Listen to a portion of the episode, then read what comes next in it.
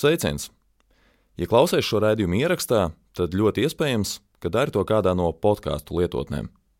Mēs, Latvijas Rādio, gribam zināt, kas tev patīk podkāstos, kas nepatīk un ko jaunu tu vēlētos dzirdēt. Būs vajadzīgas aptuveni 20 minūtes, lai aizpildītu mūsu aptauju par podkāstiem. Turklāt, piedaloties aptaujā, būs iespēja laimēt unikālu ekskursiju leģendārajā Latvijas radio ēkā. Saitu uz aptauju meklē šīs epizodes aprakstā. Fakti, viedokļi, idejas. Raidījums Krustpunktā ar izpratni par būtisko. Studijā Mārija Ansone - brīvības nesējs noziedznieks, demokrāts vai padomju imperialists. Tik dažādi tiek vērtēts pēdējais padomju savienības līderis Mihails Gorbačovs, kurš pagājušajā nedēļā 91 gadu vecumā devās mūžībā. Gorbačovs nekad nav slēpis, ka nožēlo padomju savienības sabrukumu, tomēr viņš arī kritizēja Vladimir Putina politiku, kuras viens no vadmotīviem ir PSRS sabrukums kā lielākā 20. gadsimta ģeopolitiskā katastrofa. Par Gorbačovu lomu padomju impērijas sabrukumā, padomju mantojumu un arī citiem jautājumiem runāsim šodien. Kruspunktā lielā intervija ir ar Vidzemes augstskolas vadošo pētnieku vēsturnieku Gati Krūmiņu. Labdien! Labdien! Vai Gorbačova personību un devumu vispār var novērtēt, nu, tā vairāk vai mazāk viennozīmīgi, vai arī vismaz, ja paskatāmies to skalu plus mīnus, nu, ar tādu nos, nosliec uz vienu pusi, vai tas ir iespējams?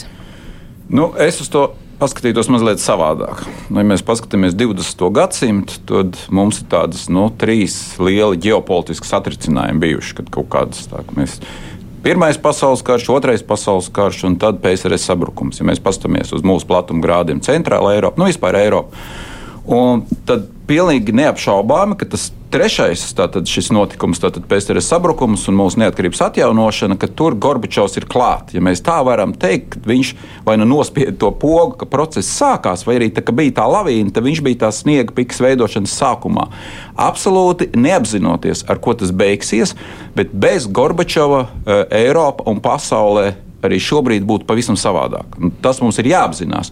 Un tad, skatoties uz visu to, mēs varam sākt skatīties, ja, kuros brīžos ja, mēs varam viņam vilkt plusus vai mīnusus. Nu, un, nu, tā pirmā lieta ir pilnīgi skaidra, ka Gorbačovs nenā, ne, nonākot pie varas, un vispār nevienā brīdī viņam nebija plāns sagraut eh, PSRS vai, vai, vai totalitāro šo sistēmu. Viņš jau to līdz pēdējiem negribēja. Nu, tieši, tā, nu, tieši tā, jo viņš arī nu, nedaudz paskatoties arī šo viņa biogrāfiju, nu, viņš jau nebija tāds ļoti dziļš domātājs. Jā, nu, protams, tagad milzīgi kritizēt, bet nu, padomāt par viņu personību. Viņš pārsvarā nodarbojas ar lauksaimniecības jautājumiem. Viņš bija partijas nomenklatūrā. 21 gads laikam viņam bija vēl Staļins dzīves, viņš iestājās eh, kompartijā. Nedaudz pastrādā, ka ir patsmitnieks ar pie kombaina pie savu tēvu, bet tad viņš aiziet mērķiecīgi šajā nu, partijas karjerā. Un viņš tad, nu, līdz ar to, ja tā mēs varam teikt, visu laiku to nodarbojas. Un vēl viena lieta, viņš nodarbojas specifiski ar lauksaimniecības jautājumiem, nu, kas ir viss viena no sarežģītākajām, pretrunīgākām tēmām vispār padomju savienībā. Un viņam tur gāja visādi patiesībā labi, viņam tur negāja, ja, un, un, bet eh, neraugoties uz to, viņš ļoti strauji uzkāpa tam karjeras kāpnēm un 85. gadā diezgan daudz daudziem par pārsteigumu sāka nu, vadīt Padomju Savienību, toreiz kā kompartijas ģenerālsekretārs. Un paskatoties visu to viņa vēsturi, jā, tad uh, mums nevajag būt baigām expectācijām par viņu kā domātāju, vai, piemēram, nu, Sakarovs, piemēram, kā disidents, jā, vai kas nāca ar kaut kādām tādām idejām. Jā. Nē, viņš bija ļoti vienkārši pēc dabas cilvēks, jā, Bet viņš tomēr bija savādāks. Nevajag aizmirst viņa sievu. Es domāju, ka viņš studēja filozofiju. Jā, un, eh, gan. kā biogrāfi stāsta, ir viņu iepazīstinājusi ar to, ar ko viņa ir studējusi. Viņas nozīme parādās arī Gorbačova tajā pēdējā filmā, nu, garajā, ko Vitālijas Manskis uzņēma, kur viņš atsaucās uh, arī ļoti nu, nozīmīgu sievu, kas arī lika pieņemt lēmumus, kas bija vērsti uz, uh, lai nepieļautu cilvēku upurus. Jā, jo nu, tas bija jau pirmā lieta, kas varbūt nu, šokēja teiksim, šo tradicionālo e, padomju mietpilsoņu pasauli, ka Raisa Gorbačova visur brauc viņam līdzi. Startautiskās vizītes arī šeit. Vai mēs kādu zinām, kas bija, piemēram, Brežņevam, Andropovam sieva. Vispār tak nezinām, jā, absolūti, jā, bet eh, Raisa brauca visur līdzi, aktīvi iesaistījās tajos procesos, un līdz ar to tas jau bija tās pirmais solis, kad no visas pasaules tajā 85. gadā jau sāk skatīties, jā, nu, izskatās, ka kaut kas varētu mainīties, jā, un plus brauc ļoti daudz, jā, ko arī daudz pat pārmet, ka valstī tur ir problēmas, bet Gorbačovs tik braukā pa pasauli, jā, bet, nu, skaidrs, un, un tad pakāpeniski redzot visu šo pārējo, jā, pasauli, visu šis domāšanas veids, tas skaidrs, ka arī tā viņa domāšana transformējās. Bet vienā brīdī viņš neiedziļinājās, neizprat, piemēram, baltiešu jautājumu. Ja? ja sākumā viņam likās, ka cik forši un, un baltieši, baltieši atbalsta reformas, ja? Un, eh, nu, kaut vai tas pats eh, Pugo. Jā, viņš Pugo paņēma 88. gadā uz Maskavu, lai viņš atbalstītu reformu procesu. Mēs šeit Latvijā to uztvērām pavisam savādāk. Mēs metām krustus, ja paldies Dievam, tas latviešu nerunājošais Krievijas latviečs ir prom un mums ir vietā Vagris. Ja, kurš arī nav nekāds milzīgs līderis, ja, bet, bet arī lūk, šādas nianses. Ja, Gorbačovs paņem Pugo it kā reformām uz Maskavu, un mēs dabūjam vāju kompartijas vadītāju. E, Un patiesībā tāpēc, ka vājš kompartijas vadītājs, ja, mums tautas fronte un āt, daudz ātrāk varēja panākt tādu reālu ietekmi uz uh, visu veidu procesiem, lēmumu pieņemšanu. Jo Pugotočs bija bijušais drošības komitejas vadītājs Latvijā, ja, un, un es nezinu, kas būtu, ja Pugo būtu palicis ilgāk. Ja. Nu, līdz ar to mēs redzam, cik tā vēsture sarežģīta. Ja, un arī nu, to Gorbačovu, ja, ka viņš nu, pēc viss spriežot arī īsti nepazīst šos cilvēkus, savu komandu līdz galam. Ja. Un eh, es teikšu tā, ka mums ļoti paveicās, ka ar to viņa nezināšanu un nespēju vadīt šo lielo valsti, mēs tik ļoti ātri nonācām pie PSRS sabrukuma. Nu, to es varu teikt, ka kā tāds liels valsts vadītājs, viņš tur pieļāva vienu kļūdu uz otras, tad sāka no, lēkāt no vienas tēmas uz otru. Ja? Tad pašā laikā.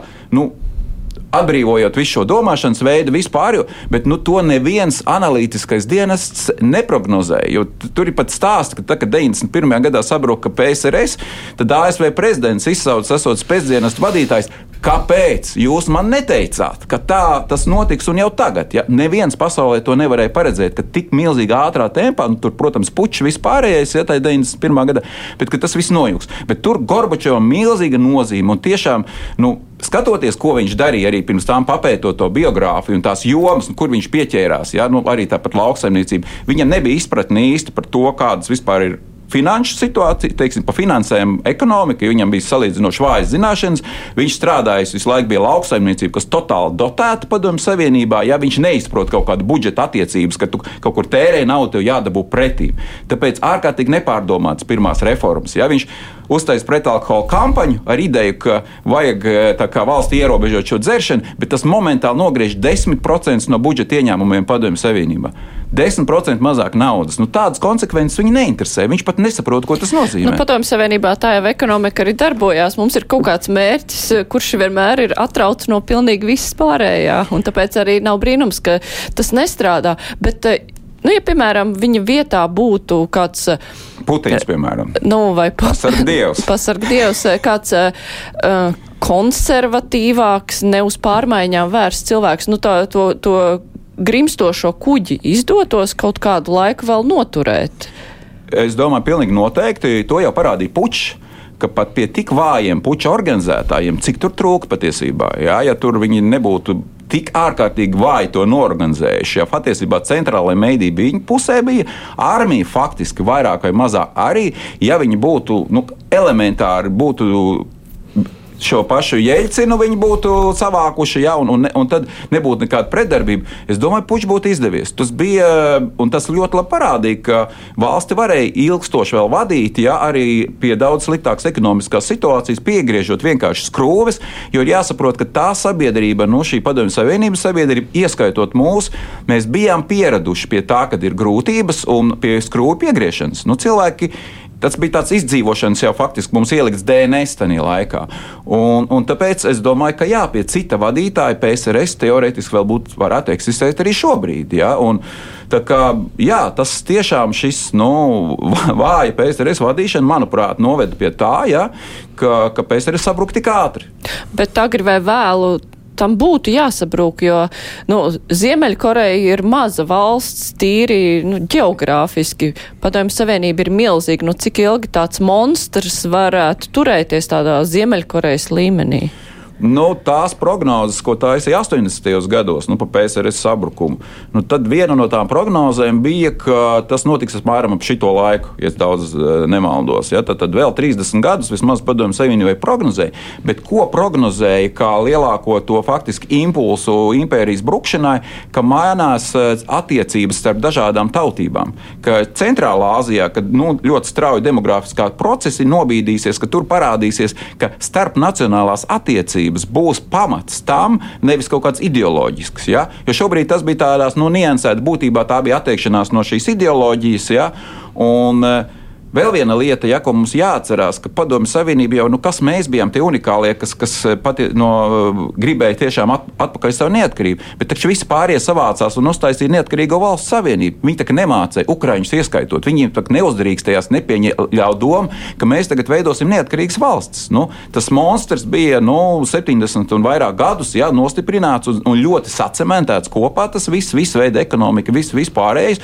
Un tur bija tikai tādi nu, traki ideālisti, ja, pavisam citu vēsturisko pieredzi kā mēs, kas pateica, nē, mums to, mums to nevajag. Un tas ir tas, ko Gorbačovs nesaprata. Viņam likās, ka tas ir uz mūžīgiem laikiem, kaut ko pamainīs ekonomikā. Ja uztaisīs sākumā, viņš domāja, ka ar darba disciplīnu to var panākt, pēc tam ar kaut kādām investīcijām, tad viņš vēl meklē. Tad viņš domāja, ka vajag to uzņēmīgumu garu vairāk, ja, ka cilvēkiem jādarbojas un nedaudz autonomiju kaut kādu. Un tad, kad 87. gadā viņš izdomā, ka vajag nedaudz autonomiju un ka vajag tām republikām to pašfinansēšanos, ko dara Baltieši, momentāli saka, mums vajag neatkarību. Ja? Un viņš saka, kādu neatkarību, paga, paga, paga, tas, tas nav tas, ko es domāju. Ja?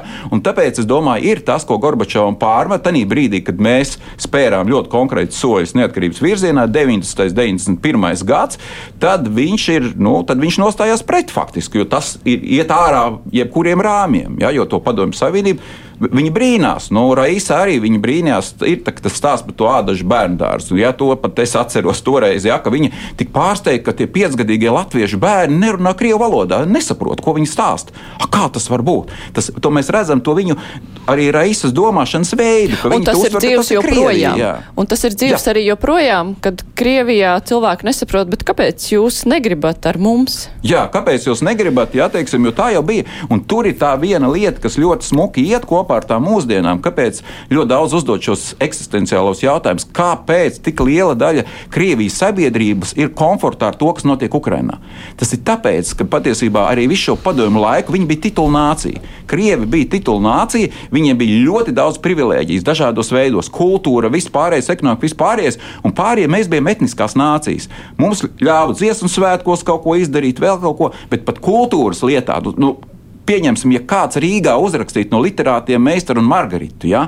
Nu, es domāju, ka tas ir. Mēs zinām, kas notika mūsu literātiem. Maskavā to drīkstēja. Ja, tā kā līdz ar to milzīgi daudz dažādu veidu privilēģijas mēs bijām uztaisīti par tādu provinci un arī tādu etnisku provinci, ja, kur vienīgais veids, kā tu varēji doktora disertācijas, piemēram, zinātnē, nu, tu tikai vai Maskava, Ļeņingrada, nu, e, kaut kāds ļoti maz izņēmums, ka tu pie tā vari tikt, piemēram, šeit Latvijā. Nu, līdz ar to nu, tāda bija. Un lūk, šī privileģētais skats no augšas uz pārējiem, kā tur Sudrabkalns rakstīja zem varenā Krievu ozola sapulcējušās tās pārējās padomju tautas.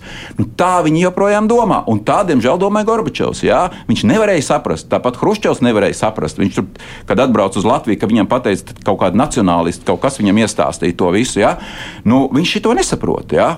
Priekš kam? Ja? Nu, tā, nu, tādas ir šī, un, un tas viņam ir iepotēts. Ja? Un, un, nu, es nezinu, tur ir jānotiek ļoti lielām kaut kādām viņiem nu, līdzīgi kā Vācijā tas bija, jā, jānotiek kaut kādām milzīgām problēmām, jā, un tad viņi kaut kā nu, caur tādu vainas apziņu pārapdzīvo un tad transformējās tā nācija. Jo viņi joprojām domāšanā ir turpat. Nu.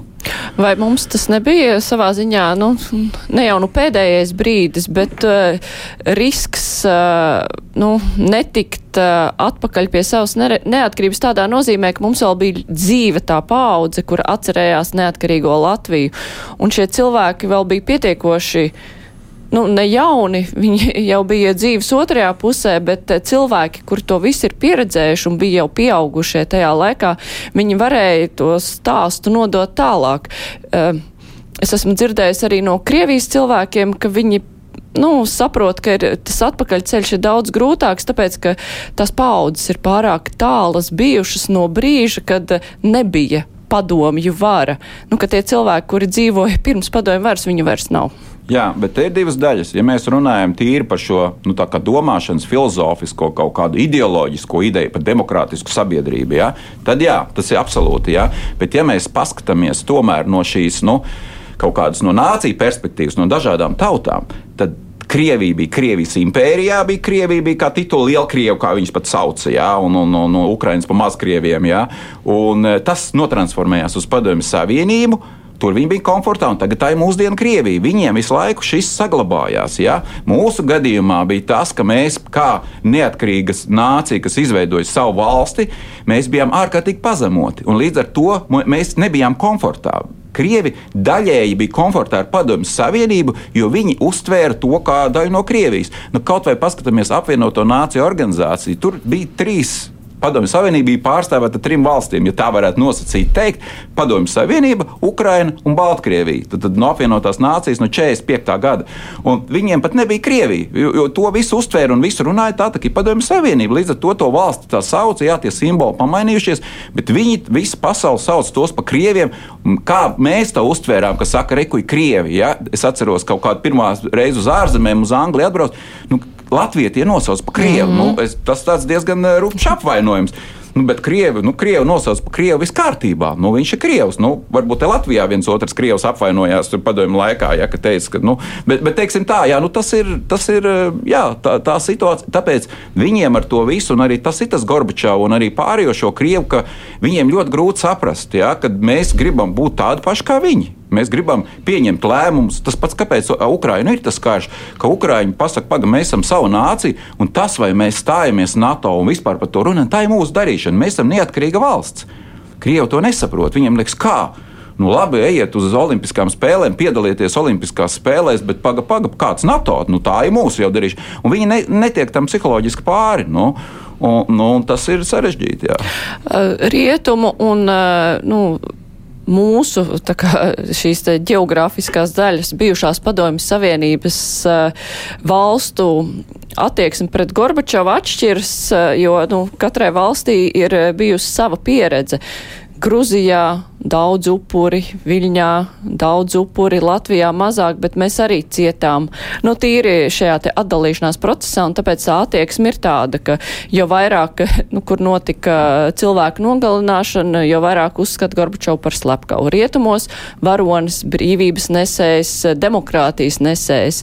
Gorbačovs saņēma Nobel miera prēmiju, nu, pat bija Gruzija bijusi kur eh, cilvēki tika bradāti ar tankiem pēc Nobel miera prēmijas Viļņas notikumi. Tajā pašā laikā tas kaut kā netika akcentēts, vai nav kaut kādas paralēlas ar to, nu, kā rietumi skatās, ir skatījušies visu laiku arī uz Krieviju. Nu, ka lielos vilcienos, tā kā, ja, nu, tas lielais lācis iet uz labo pusi, tā teikt, nekaujās ar mums, tad ir labi, bet, eh, nu, kaut kādi sīkumi, kas notiek reģionā, nu, Nu, uz to mēs tā neskatīsimies, vai tā attieksme nav bijusi tāda visu laiku. Jā, bet tas ir objektīvi. Nu, tagad mēģināsim pārslēgt savu domāšanu uz vienu tādu vācieti. Kā viņš skatās uz Gorbačovu? Nu, viņš skatās ar milzīgu pateicību, jo ko izdarīja Gorbačovs pateicoties Gorbačovam lielā mērā apvienojās Vācija. Ja? No Francijas perspektīvas arī viens tāds, piemēram, frančūzs, kā viņš skatās uz to. Beidzās augstais karš, ja milzīgā šī pretnostādīšanās, vispārējais ekonomiskā telpa, vispārējais ir izvērsusies. Tas pats jau mēs varam paskatīties cits vēstures notikums. Tas pats otrais pasaules karš. Ja? Tagad mēs gāžam šo pieminiektu. Francūzi skatās, kā mēs kopā ar sarkano armiju sakāvām nacismu. No Francijas perspektīvas, ja? no viņu perspektīvas, neiedziļinoties mūsu vēsturē, kur obi, abi okupācijas režīmi mums vienlīdz naidīgi, vai tie ir vācieši vai tā ir padomju savienība, ja? abi nodarīja šeit milzīgu postu. Mēs nevaram pateikt, kurš labāks, kurš sliktāks. Abi ļoti slikti. No Francijas perspektīvas, kur padomju okupācija nekad nav bijusi, viņi viņi bija sabiedrotie. Ja? Un līdz ar to šādās situācijās.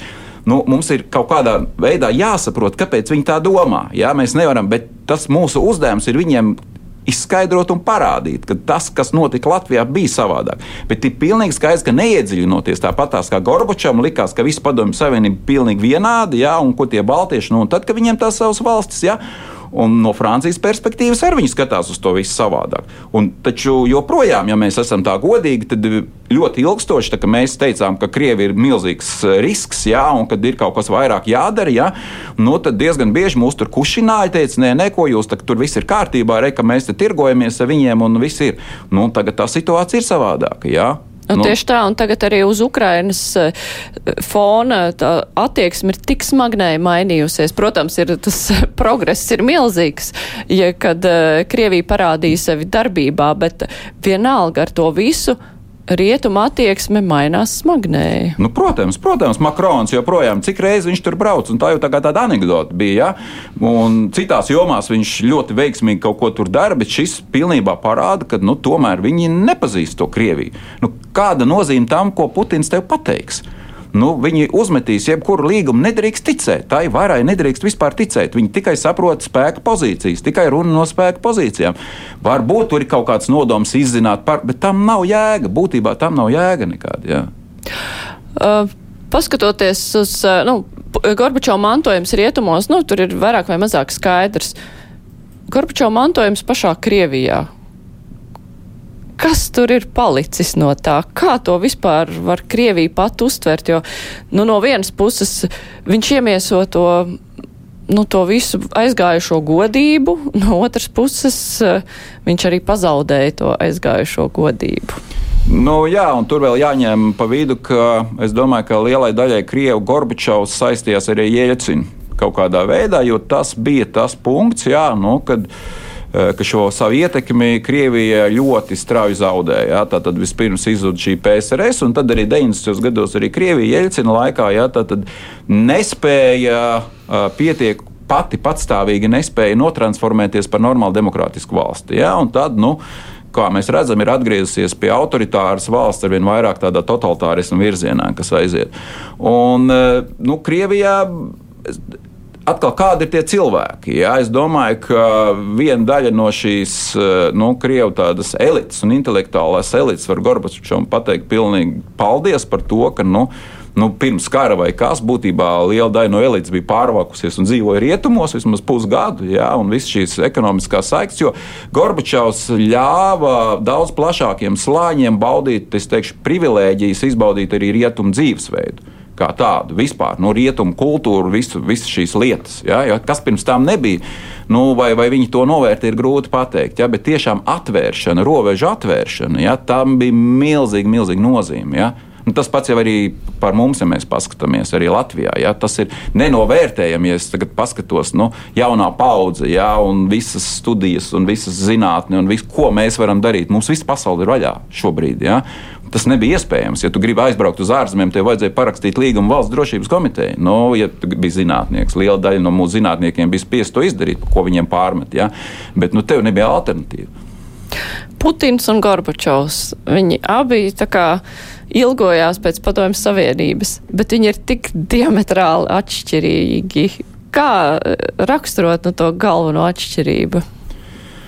Nu, es domāju, ka tieši tas, ka Putins vēlas paplašināt, ja, un Gorbačovam nebija, viņam nebija ģeopolitiskas ambīcijas uz kaut kādu ietekmes palielināšanu. Un, uh, viņš pat bija gatavs uz ļoti daudziem kompromisiem. Tas ir tas, ko spēcdienesti arī jau Gorbačova laikā, tad, kad bija tās visas sarunas, ja, tur pat ir pāris tādi momenti, kur viņa tulkiem pārprasīja, vai viņš tiešām to ir domājis pateikt. Nu, piemēram, tas pats jautājums, kas bija par Vācijas apvienošanos, jā, teiksim, kur viņš tā kolam tā diezgan atklāti pateica, nu, tā nav problēma, mēs varam sarunāt. Jā, nav, kas pirms tam likās nu, pilnīgi neiespējams kaut kas. Un, un viņš bija gatavs uz piekāpšanos stingri. Jā. Putins, mēs redzam, uz nekādu piekāpšanos nav gatavs, jo Putinam ir ambīcijas, nu, Putinam ir tā vispasaules revolūcijas ideja, jā, ka viņi mēģinās cik vien tālu varēt iegūt šo kontroli ietekmi.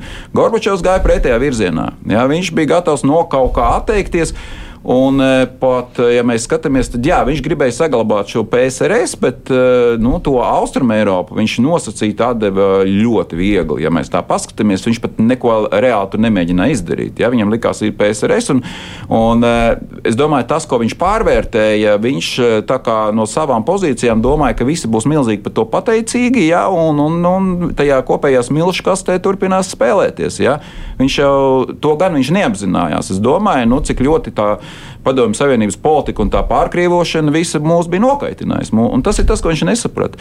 Tā kā, nu, jā, nu, Gor Gorbačovam nebija tāda vēlme tiešām, un, un otra lieta, ja, ka tiešām ar to spēku pielietošanu, nu, tā pats dot kaut kādas iespējas, teiksim, dot kaut kādas konkrēts pavēles, ja ar tādu pašu iniciatīvu. Nē, pārsvarā jau citreiz viņš varbūt pieļāva, ka kaut kas notiek, ja, bet no Putina mēs redzam, tas pavisam savādāk. Tāpēc es par to domāju, ka tas eh, fenomens, ja, ja 85. gadā būtu kāds jauns cilvēks ar tādu bāzi kā Putins, drošības komiteja, vispārējais, nu, mēs dzīvotu pavisam citā pasaulē. Un, un tas ir tas vēstures fenomens, ja, ka Gorbačovs, ja, viņa vienīgā priekšrocība bija, ka viņš politbirojā bija salīdzinoši jauns.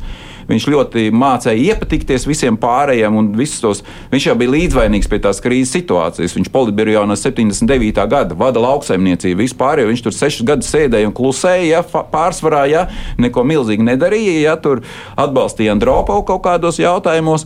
Un tad nu, tas viņam palīdzēja kļūt par, par valsts vadītāju, bet nu, viņš īstenībā nezināja, ko ar to valsti iesākt.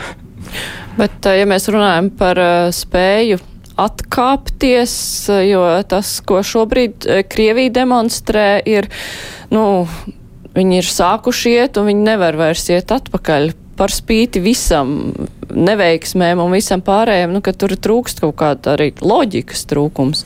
Nu, diemžēl nu, tas ir cits veids cit veid domāšana. Ja mēs paskatāmies to domāšanas paradigmu, tas pats Putins tagad, jā, nu, nu, tur ir kaut kādas līdzības ar Hitleru tīri kā tāda autoritāra vadītāja domāšana, jā, ka tu nevari tādu parādīt savu vājumu. Jā, ja tu tagad pasaki, nē, nu mēs tur izējām ārā no Ukrainas vēl kaut ko, nu, ja tu esi pieteicis to valsti kā vispār kā neeksistējošu un ko, nu, tu parādi savu vājumu, tu to nevari izdarīt. Jā, nu, līdz ar to nu, viņš ir pats sev iedzins tādā strupceļā.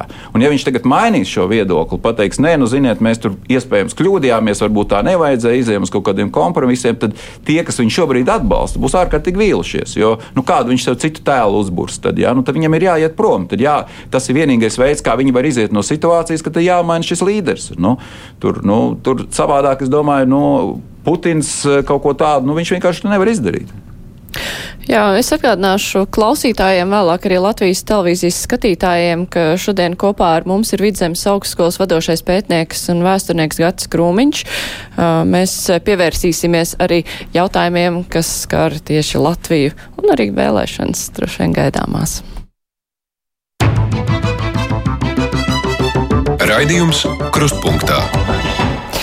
Jā, tas gan attiecas uz vispār izglītojošo skolu pedagogiem, kuri grasās streikot, eh, bet uh, tas, kas ir izskanējis no augstākajām amatpersonām, dažādām, no ministriem, no valdības vadītāja, ka nu, šis nav īstais brīdis uh, streikošanai pedagogiem. Uh, nu, tas ir vairāk tādu politoloģisku vērtējumu gaidot no jums. Uh, Kā jums šķiet, eh, kas ir un kas nav īstais brīdis pedagogiem streikot? Jā, nu, par to īsto brīdi no, no, no, no politikas veidotājiem, no tiem, kas ir pie varas, jā, īstais brīdis nebūs nekad, ja mēs tā paskatāmies. Jā, un, Es domāju, ka tas kopējais fons, kas ir šobrīd, jā, varētu šķietam likties, ka nu, kādas tur izglītībā problēmas. Ja? Un, bet es domāju, ka tā ir tā mūsu, nu, tā paskatoties plašāk, fundamentāla problēma Latvijā, ka mēs eh, uz tādām ilgtermiņa problēmām un lietām, nē, tas mums nav svarīgi. Tas ir vispār domāšanas veids mazliet Latvijā. Diemžēl mūsu politiskās elites, jā, tur cilvēki nāk un iet, bet kopumā ir tā, ka mēs mākam samobilizēties un nokoncentrēties uz kaut kādiem īstermiņa risinājumiem, īstermiņa problēmām, bet šeit, ka pedagogi runā par kaut kādiem ilgāku laika posmu, jā, par šīm slodzēm, par visu šo pārējo, nu, pagaidīs, nu, kas tad tur viens, divi gadi, jā, bet, nu, tā ir tā fundamentāla problēma, jā, un, un es domāju, ka arī no šo skolotāju viedokļa tā pilnīgi paskatoties, jā, nu, viņi redz, jā, ka šobrīd eh, ar vieglo roku mēs aizņemamies simtus miljonus, jā, investējam īstermiņa problēmu risināšanā, ja tērējam šo naudu, kas ir pareizi. Ja mēs tā paskatāmies, valdība var naudu aizņemties, bet ir šis jautājums, kāpēc mēs neinvestējam attīstībā. Un, nu, izglītība nu, tā ir viena fundamentāla lieta, ja, kur valstī vajag investēt. Tas ir daļa no šīs attīstības, izglītība, zinātne, inovācija, viss šis bloks, ja, kas mūs ir nostādījuši situācijā, ka mums ir ļoti liels naudas šobrīd. Kāpēc mums ir jātērē milzīgas naudas, lai tagad energoresursu cenas, ja, teiksim, lai cilvēks atbalstītu?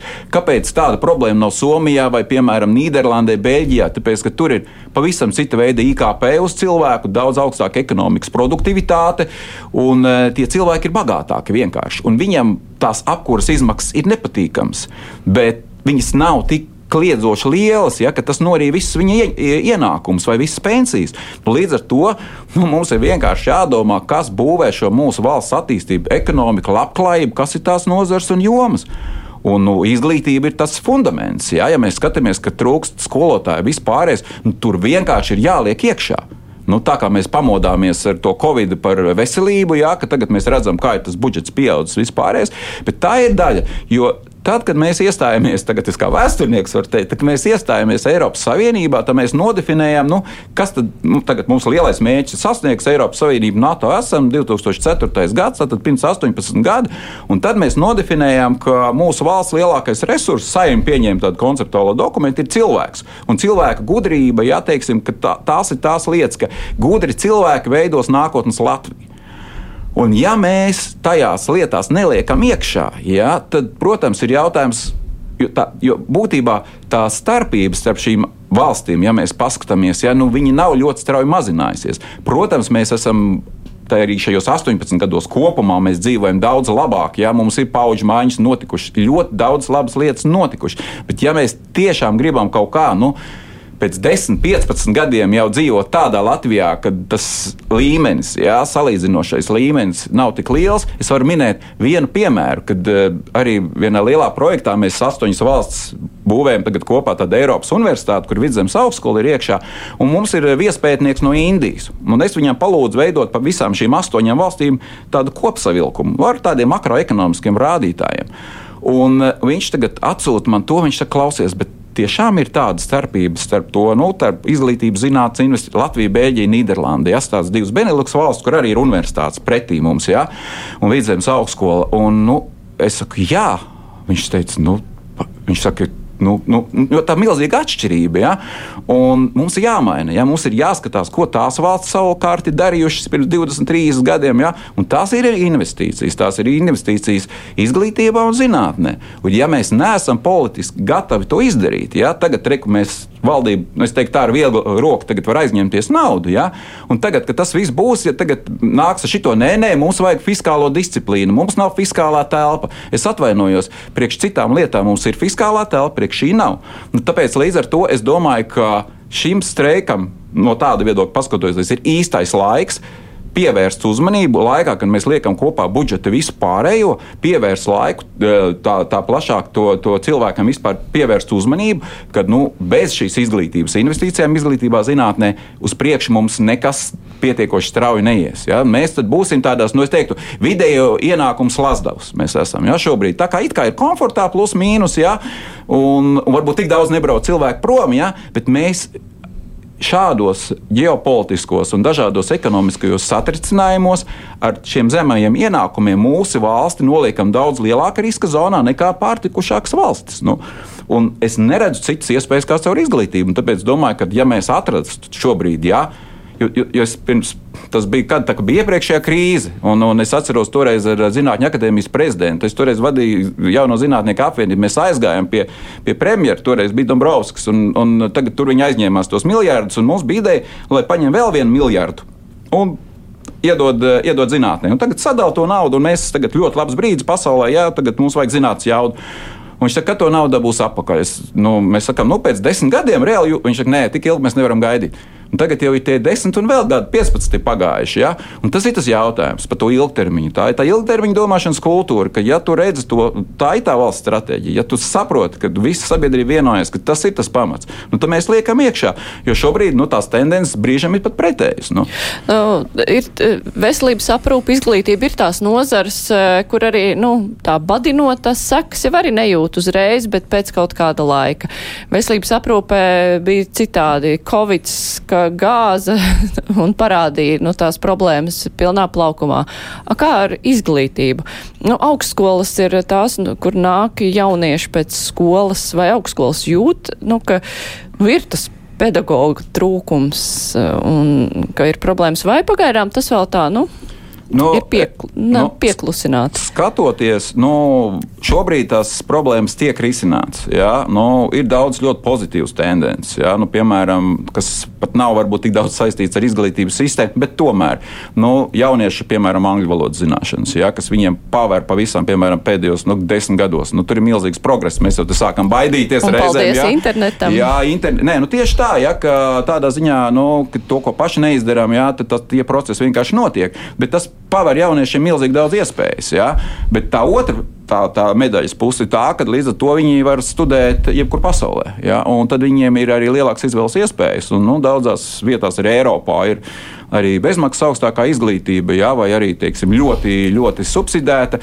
Šobrīd es neteiktu tā, ka mēs redzam kaut kādas fundamentālas, kaut kādus kritumus. Ja? Mēs redzam, protams, par ko daudz runā par to stēmu, piemēram, ja, fizika, matemātika, ja, ka varētu būt labāki šie rezultāti, bet es neteiktu, ka tā ir tā galvenā problēma. Ja? Es, es domāju, ka uz šo brīdi tas nav tik traki. Bet, bet tā galvenā lieta, kas ir, ja mēs paskatāmies arī uz augstāko izglītību, ir tā, ka mums būtu jānodrošina šī nu, visa starptautiskā vide, viss šī pārējais arī caur šo finansējumu, arī caur visu veidu bāzes finansējumiem, ka arī uz Latviju brauktu strādāt no citām valstīm pētnieki, arī, arī akadēmiskais personāls un arī studenti. Ja? Nevis tā kā tagad, tāpēc, ka te to var izdarīt lētāk, vai ir kaut kādas ļoti konkrētas nišas, bet ka mēs esam daļa no šādas jau Eiropas. Nu, vienotās izglītības telpas, ja, kur cilvēki nāk, brauc un visu to dara. Un tas ir ārkārtīgi svarīgi. Ja. Un to, diemžēl, mēs nevaram izdarīt, nu, ja nav šīs investīcijas no valsts pienācīgas. To es atkal varu minēt, piemēram, par to pašu Eiropas universitāti, kas ir. Nu, Makrona ideja pirms dažiem gadiem, kur viņš pat laikam nesaprata, kas tas ir, bet tā ir lieliska ideja, kā mēs varam veidot tātad, nu, veidot tādas universitāšu alianses, kur mēs veidojam nākotnes uz 2030. gadu nākotnes izglītību, kur ir konsorcija, ja, varbūt pat juridiski beigās tā ir viena augstskola, kur veido 6, 8 valstis. Ja, tā ir lieliska ideja. Mēs tagad divus gadus ar to strādājam. Ja, tas ir tur tu jau redzi kopīgas lietas, ko tu vari izdarīt. Un tā mēs veidojam federālo Eiropu, sadarbojas reģioni, dažādi jau vairāk vispārējais. Bet nianses, piemēram, Vācija saviem partneru augstskolām iedod tā nauda, kas ir lielā konkursā vinnēta, viņi dubult to naudu un iedod, lai jūs labāk varat sasniegt mērķus. Mums nav līdzfinansējums. Ja? Tagad šogad varbūt uz gada beigām, varbūt jūs dabūsiet, varbūt nedabūsiet. Četras augstskolas Latvijā tur ir iekšā. Ja? Nu, un iedomājieties, mums ir jāspēlē ar vāciešiem kopā. Ja? Viņiem ir pat divreiz vairāk resursu, plus vispārējais, viņiem pat uz to iedod. Mums saka, nē, nu, varbūt būs, ja paliks pāri, varbūt nebūs. Nu, tagad ministrija uz nākamo gadu tā kā ir iesniegusi jā, to pieprasījumu, bet, protams, nevar jau zināt. Savukārtējās prioritātēs tas ir ierakstīts, nu, ka tas ir Eiropas universitātes, tas ir, ir ļoti augsts prioritāte. Bet nu, tad jautājums par kādu naudu. Un tas ir, nu, ja mēs gribam tāpat sportā vai jebkurā jomā, ja mēs gribam, lai tas čempionāts ir līmenī, tur jābūt iekšā naudai. Nu. Un, un tas rada tādus dažādu veidu riskus, protams. Ja? Un, Nu, ir tā, ka, ja mēs kā valsts tiešām gribam līdzināties citām valstīm, tad nu, ilgtermiņā vienīgais ceļš, kā uz to nonākt, nu, tas ir izglītība, zinātnē, inovācija, visas šīs sistēmas, nu, kā to izdarīt. Kā jūs vērtējat uh, izglītības ministrijas jauno ierosinājumu par augstskolas, augstākās izglītības finansēšanu tieši attiecībā uz uh, studiju maksām? Uh, nu, tā teikt, visiem ir līdzmaksājums, izņemot STEM, veselības aprūpē, kuriem atmaksāja viņi pabeidz, bet, nu, un arī, nu, cilvēkiem, kuriem nav naudas. Tā, tāda pieeja ir veiksmīga, tā sasniegs mērķi, un kā tur bija minēts, izmantot augstākās izglītības potenciālu. Nu, jā, nu te ir atkal tā lieta, ka īstermiņā iespējams mēs sasniedzam vienu tādu vienu, vienu jautājumu, mēs atrisinām. Ja, ja mēs paskatāmies, ja, Es pat, pat paņēmu pie spīkera pierakstīt, tātad valsts maksā sociālā zinātnē 1630 eiro par studentu. Nu, kas, protams, ir ļoti maz, ja, un augstskolas par to runā jau 20 gadus, ja, ka tā summa nav pārreikināta, tur ir taisīta visādi auditi, ja, pierādījis nu, loģiski, ja, ka, ja tu gribi kaut ko līmenī, tu nevari vienu studentu par to naudu. Tad augstskolai vai nu vajag piedotēt kaut ko klāt, vēl kaut ko darīt. Nu, un, e, gadiem par to ir runāts, nu, un tad, e, savā ziņā nu, tagad, nu, ministrija no savas puses ir atradusi veidu, kā to risināt, lai augstskolas nekliedz. Nu, reku, mēs uzprasīsim to naudu no studentiem. Ja? Īstermiņā varbūt varētu šķist, nu, ja es tā skatos, tagad, kā bijušais rektors Forši, jā, mums augstskolai būs vairāk naudas, mums nebūs jāņem no snieguma bāzes finansējuma, nebūs jādotē. Jo šobrīd mēs reāli dotējam studiju procesu, jā, tāpēc, ka to no dažādiem citiem projektiem, kas ir no ārkārtīgi sarežģīti, smagi un vispārējais, un tad tur ne, ne visu līdz galam var labi izdarīt, pilnīgi loģiski. Jā un liels stress tas viss notiek. Bet, ja mēs paskatāmies ilgtermiņā, jā, tad ir tas jautājums, jā, nu, ja tagad ir šeit studentiem jāmaksā vēl klāt, ja, tad eh, nu, iespējams, ka viņi aizbrauks eh, uz kādu citu valsti. Ja, Un studēs tur. Jo tas princips, ka ir kaut kāds līdzmaksājums, eh, ir ir viena otra valsts, kur tas strādā un gana labi. Tāpat ir Beļģija, piemēram. Ja, tur ir arī studentam ir līdzmaksājums, tā ir pavisam cita sabiedrība, tā ir pārtikus sabiedrība. Un, protams, ka Beļģija plus tas līdzfinansējums, pa vienu šo budžeta vietu Bēļģija maksā 7000. Kā valsts 7000, jā, un tad mēs kaut kādu pusotru, jā. Un mēs tagad pie tā pusotra vēl prasām to līdzfinansējumu. Nu, loģiski tas students drīzāk aizbrauks uz kādu citu vietu, jā.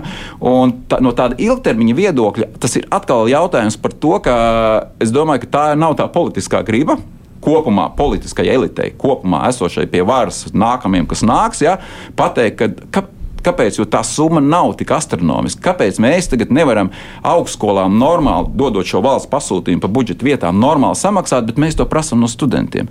Es domāju, ka tas no filozofiski domāju, tas ir solis nepareizā virzienā.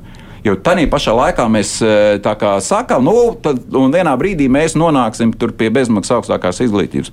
Nu, es tam neticu.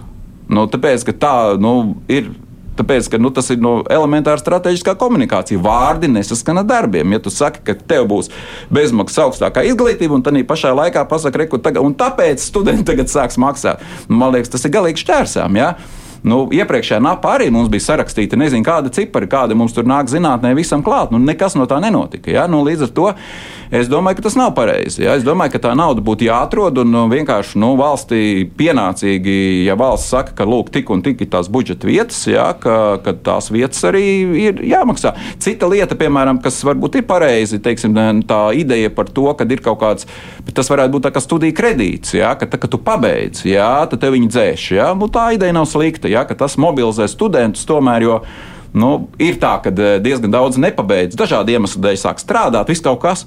Un, jo tā ir vēl viena lieta, nu, ja mēs saprotam, ka ģimenes to nevarēs samaksāt, ja, tas nozīmē, ka nu, studentam tā nauda būs jānopelna. Ja, kur atkal es tā domāju, tas tā jau liela daļa studentu strādā, piemēram, puslodes darbu. Bet, ja viņiem vēl būs jāpa, jāsapelna nauda tam līdzfinansējumam, nu, tad viņiem būs pilns slodzes darbs, nu, tas studijas cietīs. Nu, nekas labs tur nebūs. Nu, valsts sola atbalstīt uh, pilnā apmērā STEM studentus, veselības aprūpē, nu, tās, nu, tās jomas, uh, kur ir šobrīd uh, nu, cilvēku resursu trūkums.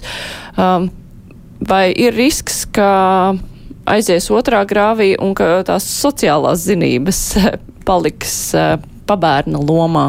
Vai arī tas Latvijai nedraud? Mm, nē, nē, nē. Es domāju, ka kopumā, protams, izcelt kaut kādas nozares, kuras ir pareizas un labas, un kuras ir netik labas, jā, tā nav pareiza pieeja. Un, e, mums ir vajadzīgas gan sociālās zinātnēs, gan visur mums ir vajadzīgi šie cilvēki ja, un, un eksperti. Un tā būs gudrāka nākotnes sabiedrība. Ja. Un es domāju, tas STEM jautājums tas ir jārisina daudz vairāk jau vidējās izglītības līmenī. Ja, jo, Šajā gadījumā, ja mēs paskatāmies, tad eh, ne visiem šiem cilvēkiem, kuriem ir šis sistēmas vajadzīgs, ne visiem programmētājiem vajag augstāku izglītību. Jā? Mēs mēģinām būtībā vidējā izglītībā nesakārtotās lietas novirzīt uz augstāko izglītību. Daudz mazāk plūsmu cilvēku būtu jālaiž uz tādām vispārējām uh, vidusskolām, gimnājām, bet viena daļa jau jālaiž tiešām šajos tehnikumos, kur viņi jau iemācās šīs eksaktās lietas, jau programmēšanas šos pamatus. Ja, jo arī augstskolās nu, viņš gadu, pusotru nomācās, tad viņš dabū labu darbu, nu, labi apmaksātu, teiksim tā, jā, bet kas ir būtībā varbūt tāds programmēšanas krāvējs, viņš ir jā, tā sakam, bet viņi tas absolūti apmierina, jā, un viņš aiziet, viņš pamet studijas, jā, tāpēc, ka viņam nav interesanti dabūt to grādu un visu to pārējo, jo viņš ir darba tirgo, viņš ir nonācis, jā, un, un, un viņš ar to ir apmierināts. Tāpēc domāju, ka vajadzētu daudz vairāk paskatīties tomēr stemā, risinot tā, šīs STEM problēmas, kur var piekrist, ja, ka darbs cilvēki ir vajadzīgi, nepieciešami, bet risināt tomēr ar īsākiem kursiem. Tā ir vēl viena lieta, ja, kas ir jādara, teiksim, arī augstskolas par to patiesībā daudz runājam, ka tas ir pusgadu vai gadu ilgi intensīvi kursi, jā, teiksim, pēc vidusskolas, jā, kur tu dabū certifikātu. Bet tev nevajag četrus gadus vai trīs gadus mācīties, jā, un tā arī bija šī tāda valsts naudas izšķērdēšana. Bet arī šo ielikt iekšā. Nu, piemēram, Indija to dara ļoti ļoti daudz, jā, jo viņiem nu, ļoti daudz programmētāju tur strādā un, un, un priekš Indijas pietiekoši labi. Viņiem ir pusgada, gada kurs, jā, nu, pēc vidusskolas, jā, vai arī viņiem jau tajā vidējā ciklā ieliek iekšā. Nu, mums no tādām valstīm arī vajag pamācīties. Īpaši, ja mēs runājam tiešām par valstīm, nu, ka mums ar tie resursi nepietiek. Jā, nu, tad mēs paskatāmies, mēs varbūt liekam iekšā vairāk šajās īsajās, intensīvajās programmās. Jā. Vēl mazliet par eh, gaidāmajām vēlēšanām. Uh, nu, tāds pēdējais lielais notikums, uh, droši vien politiķi arī cerēja, ka tas paliks vēlētājiem atmiņā, bija pieminekļu uzvaras parkā nojaukšana, un tur pēc tam sociālajos tīklos varēja redzēt, ka nu, visi ir nesuši to baļķi, Ļeņina baļķi pa drusciņai. Kurš tad gal galā būs ieguvējis no šī te? Jā, nu tas ir labs jautājums, bet tas ir atkal jautājums, vai šajās vēlēšanās. Ja? Nu, Man ir prognoze, ja, ka, protams, to neuzrāda visas aptaujas, bet nu, es esmu redzējis arī iepriekšējās vēlēšanās, sekojis līdzi, ja, ka Nu, es domāju, ka viena otra partija, tāpat Latvijas Krievijas Savienība, varētu dabūt vairāk balsis nekā uzrāda šī brīža prognozes. Jā, tāpēc, ka nu, klusējoši kāds aizies un nobalsos jā, par šo lietu. Jā. Nu, Bet viņi gandrīz neko par to pieminekli vairs arī nesaka. Nu, viņi nesaka, bet es domāju, ka nevar, tas ir tik fundamentāli, tas ir tik ļoti pēdējos 20 gados kopts jautājums cilvēku galvās, nu, skalots tas viss, ka to nevar mainīt tik ātri. Un šķietami, jā, tas varbūt mums ir visiem pārsteigums, ka tur nebija protesti, grautiņi, vēl kaut kas, jā, nenotika. Jā, daudz, patiesībā ļoti daudz baidījās par to, jā, teiksim, kas būs. Tāpēc jau tur bija diezgan smagas tās diskusijas, kā to izdarīt, kur un kādā veidā. Bet, eh, bet tu nevari tik ātri, jā, un vēlēšanas iespējams varētu būt tā viena vieta, jā, kur šie cilvēki, tas ir tāds protesta balsojums, ka viņi aiziet un nobalso jā, par kaut kādu nu, radikālāku partiju vai, vai ko. Nu, pārējie tur tiešām man jāpiekrīt, ka tur tagad viss tie baļķi ir nesuši, jā, un, un, un visi tagad atbalsta to, un, un, un ka tos viedokļus mainīja, vai tas ir teiksim, piemineklis, jā, vai viņš ir jāsaglabā vai nav. Nu, tur jau visi ātri ļoti pārslēdzās. Jā, kā, bet es domāju, ka tas, es domāju, vispār par šo bloku tur varētu būt tie pārsteigumi, ka tie klasiskie saskaņas vēlētāji būs sadalījušies divās grupās. Jā. Nu, viena aizies pēc piereduma pie saskaņas, bet es domāju, ka ka mums ir jārēķinās, ka mums uh, saimā būs tā Krievijas Savienība. Bet jā. tur jau ir uh, tajā flangā ir vēl gribētāji, kas ir atšķēlušies. Viņam arī var kaut ko nosmelt. Nu, Bet ir. Uh, palikt aiz barjeras un kopumā pazeminot to pārstāvniecību.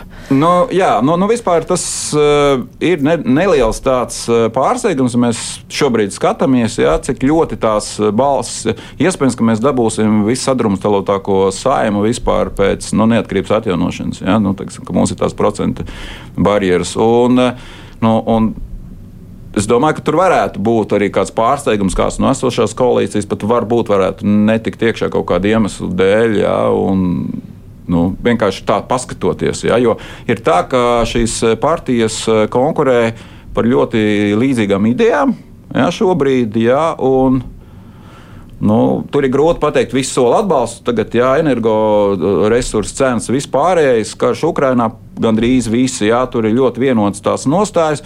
Nu, tāda būtība atkal tāds kaut kāds, ja mēs paskatāmies ideoloģiju, tur labai kreisi, ārkārtīgi grūti patiesībā pateikt, ja, kuras tad ir labais partijas, kuras ir vairāk tā kā kreisas. Ja, nu, Tas ir tāds, eh, nu, redzēsim, redzēsim, jā, skatīsimies. Jā. Nu, vai lielākais risks ir, nu, ka daudzas partijas, nu, salīdzinoši daudzas pārvar 5% no tās sīki, bet, nu, katra paņem vismaz 5 vietas.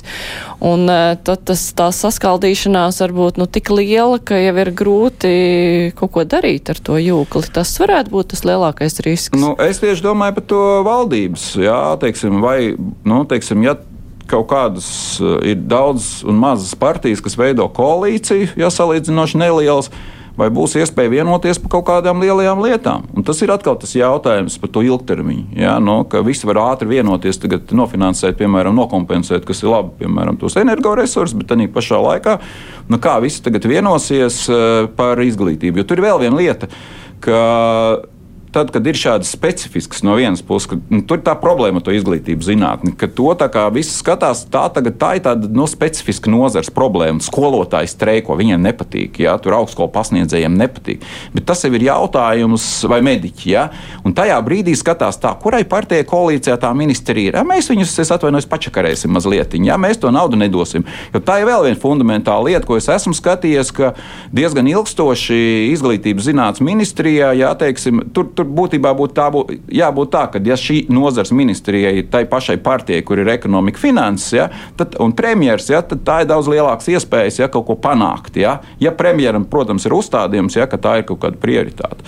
Tā kā Nu, tur ir, protams, daudz risinājumu. Varbūt ir vispār jāskatās radikālāk. Ja? Nu, man ir ideja, ka varbūt mums vispār ir tā izglītības zinātnes ministrija jādala. Varbūt ir tā izglītības zinātne jāliek pie ekonomikas, tad tā ir valsts attīstības ministrija, un tad tas sports ir jāliek klāt pie kultūras.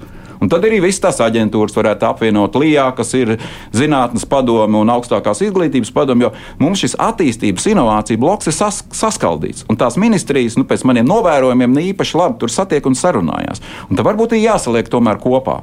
Jo kaut kā tas mums nestrādā tādā valstī. Ja? Jo, teiksim, ar inovācijām katrs kaut ko do, saprot, citu ekonomikas ministrija pavisam kaut ko citu. Bet tas ir, ir, ir arī Eiropā precedenti, ja, ka tās lietas tiek saliktas kopā. Un tad mums nebūtu tā, ka no ekonomikas ministrija mums saka, ka tur ir tas stems pēc saviem pētījumiem, izglītības zinātnē, tur kaut ko citu. Nu, varbūt mums vajag paeksperimentēt. Jo, ja tagad 20 gadus tā lieta nestrādā, nu, ko es tad, tad, tagad sūdzos visiem, tad varbūt jāpamaina. Nu, varbūt mums nevajag tādu veidu šo ministriju. Nu, pieliekam klāt pie ekonomikas izglītības izglītības zinātnē, nu, tad tur ir tā attīstība varbūt tās aiziet. Nu, visu to aģentūru, viena tāda makro liela aģentūra, nu, kāpēc gan ne?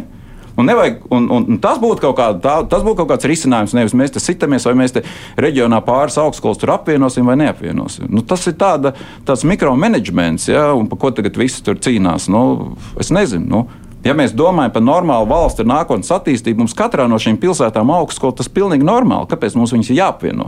Ja mēs domājam, iet atpakaļ un mēs esam atpalikusi valsts, jā, nu tad mums ir pusi jātaisa ciet. Bet, ja mēs esam tā, ka mēs skatāmies, ka pēc 20 gadiem Latvija būs stipri tuvāk Somijai, tur Beļģijai, Nīderlandē, un visas tās augstskolas mums noderēs. Mums nevajag viņus taisīt ciet vai apvienot. Un, nu, nezinu. Pagājušajās vēlēšanās nu, uz 13. saimu labi gāja populistiem. Tas tam ir gaidāms atkārtojums. Eh, man šķiet, ka tāds uh, vidusmēra populisms varbūt ir pat nedaudz pieaudzis, un mēs pat nu, nedaudz esam pieraduši pie tā visa. Nu, nu šobrīd tie pēdējie divi gadi tomēr ir to, ka mēs esam aizņēmušies ļoti daudz naudas. Ja, un, nu, nokompensējuši daudz citas lietas. Un līdz ar to mēs esam radījuši tādu ilūziju, ka mums ir augoša IKP un augoša ekonomika. Un es teiktu, ka savā ziņā tas arī ir populisms kaut kādā veidā, jo to mēs visu pārliekam, nu, mēs aizņemamies to naudu. Jā. Protams, citi saka, tur inflācija nodedzinās, ja nebūs jādod vai kaut kas tamlīdzīgs, bet tā inflācija jau ir sit visus. Jā. Es domāju, ka vispār eh, mēs esam apraduši ar populismu. Un, nu, ko vēl solīt? Nu, ko vēl vairāk? Nu, būtībā mēs jau visu kaut ko te solam tagad. Visu. Es domāju, ka vienkārši tā ir tāda dienas kārtība. Ja?